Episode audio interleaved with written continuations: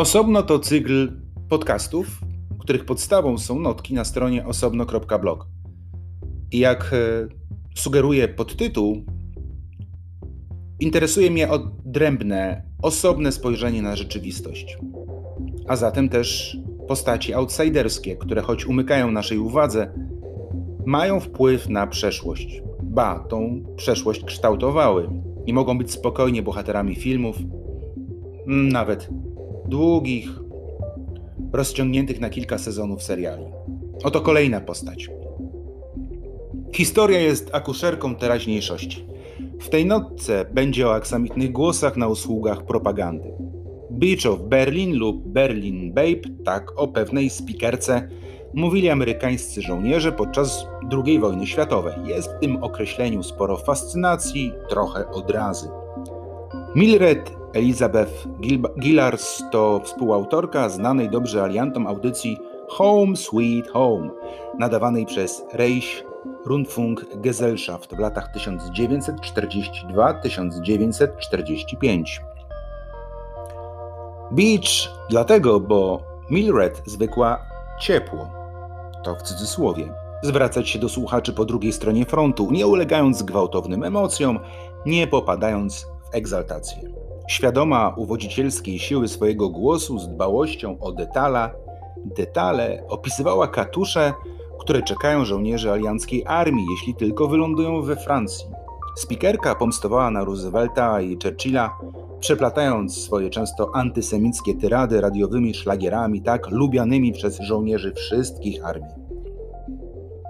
Latem 1944 roku Niemieccy dowódcy mieli graniczące z pewnością przeczucie, że alianci wkrótce dokonają próby odbicia Francji i ataku na Niemcy.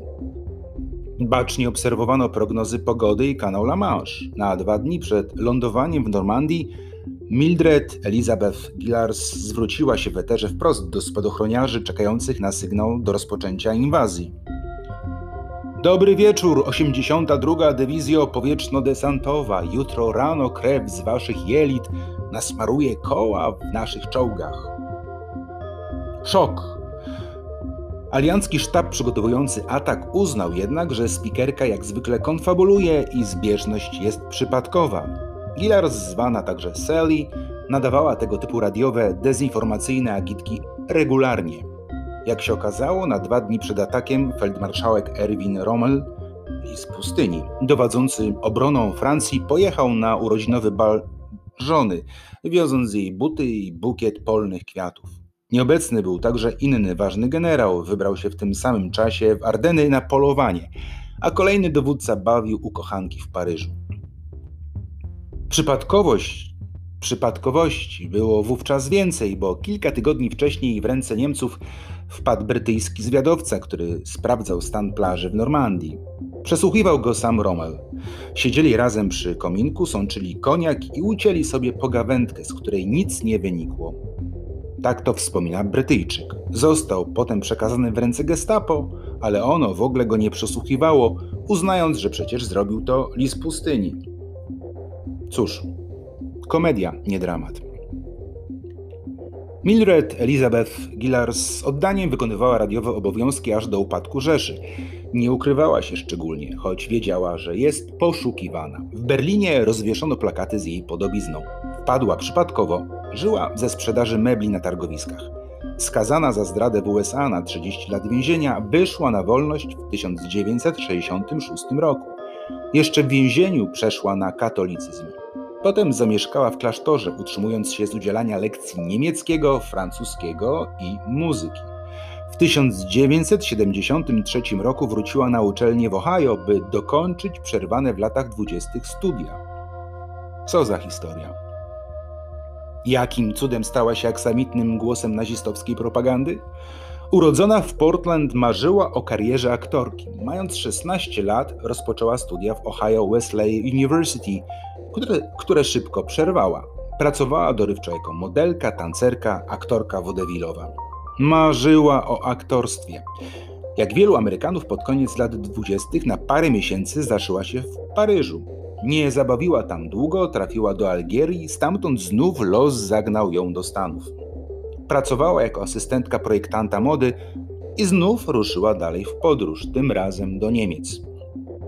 W 1934 roku zamieszkała w Dreźnie, uczyła się muzyki, miała wówczas 34 lata. Potem w Berlinie najęła się jako nauczycielka, nauczycielka angielskiego, by w 1940 roku zatrudnić w sekcji amerykańskiej niemieckiego radia. Początkowo jej audycje nie miały charakteru propagandowego. Gdy w 1941 roku rząd USA nakazał swoim obywatelom wracać do kraju, ona odmówiła, jak tłumaczyła ze względu na partnera, Paula Carlsona. Mężczyzna przyjął niemieckie obywatelstwo, zginął na wschodnim froncie. Podczas jej procesu w USA uznano, że postawą i wyborami Amerykanki nie kierował ślepy przypadek, namiętności względem narzeczonego i dramatyczny bieg zdarzeń. Okazało się, że podczas wojny odwiedzała w asyście niemieckich oficerów obozy jenieckie i nagrywała wywiady z Amerykanami wziętymi do niewoli po to, by wykorzystać je do celów propagandowych. Mildred Elizabeth Gillars nie była wyjątkiem ani jedyną faszystowską Sally. Usadowiona przed mikrofonem w Rzymie zwracała się do swoich rodaków na froncie Rita Zucca, Amerykanka włoskiego pochodzenia. Nie z sympatią, lecz wrogością i urazą. Głos miała podobny do Gillars, więc je ze sobą mylono. Zresztą obie nazywano Exis Salis. Gdy Mildred Elizabeth Gillars dowiedziała się o Ricie, była wściekła. Zagroziła, że odejdzie z radia.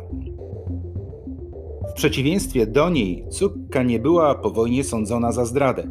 Przed pracą w faszystowskim radio zrzekła się amerykańskiego obywatelstwa. Miała lekkiego zeza, co jak stwierdził pewien korespondent wojenny amerykańskiej armii, nie odbierało jej uroku, wręcz przeciwnie. Prowadziła audycję pod tytułem Jerry's Front Calling, zaczynając ją tym samym zawsze zwrotem Hello suckers! Za, mu za, muzyczny przewodni motyw wybrała Between the Devil and the Deep Blue Sea. To popularny utwór. Znalazłem w necie o dziwo jedną z wersji w wykonaniu perkusisty The Beatles, który śpiewa i przygrywa sobie na ukulele. Rita kończyła występ przed mikrofonem zawsze tak samo. Sweet kiss from Sally. W trakcie audycji zwracała się do słuchaczy w takim tonie. Cześć chłopaki, jak się macie dziś wieczorem? Wariacka noc, to pewne. To Exis Sally mówi do was. Wy biedne, głupie skurwysyny. Cóż, czeka was rzeź. Gdy upadek faszystowskich rządów był przesądzony, Rita Cukka, uciekając przed aliantami, dołączyła do niemieckiej jednostki propagandowej Liberty Station. Wspólnie urządzali pijackie party, także na jednym z zamków pozostających w rękach faszystów.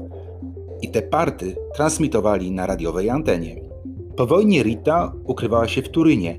Złapana i osądzona przez włoskie władze została skazana za kolaborację na 4,5 roku więzienia. Wyszła po 9 miesiącach. Nigdy nie wróciła do USA. Zmarła we Włoszech w zapomnieniu. Jej ojciec prowadził modną restaura restaurację w Nowym Jorku. Ona wyjechała do Włoch w latach dwudziestych uczyć się i pracować. Tak wspierała rodzinny biznes. Pracowała także jako maszynistka i w 1942 roku została przyłapana na powielaniu antyfaszystowskich pamfletów. By uchronić rodzinny majątek przed konfiskatą, zatrudniła się jako radiowa spikerka. Wkrótce Mussoliniemu zamarzyło się, by mieć kogoś, kto przypomina słynną Beach of Berlin. Rita Zucca była właściwą osobą, jak widać, chętnie się z tej roli wywiązała. Czy to nie jest historia na super serial?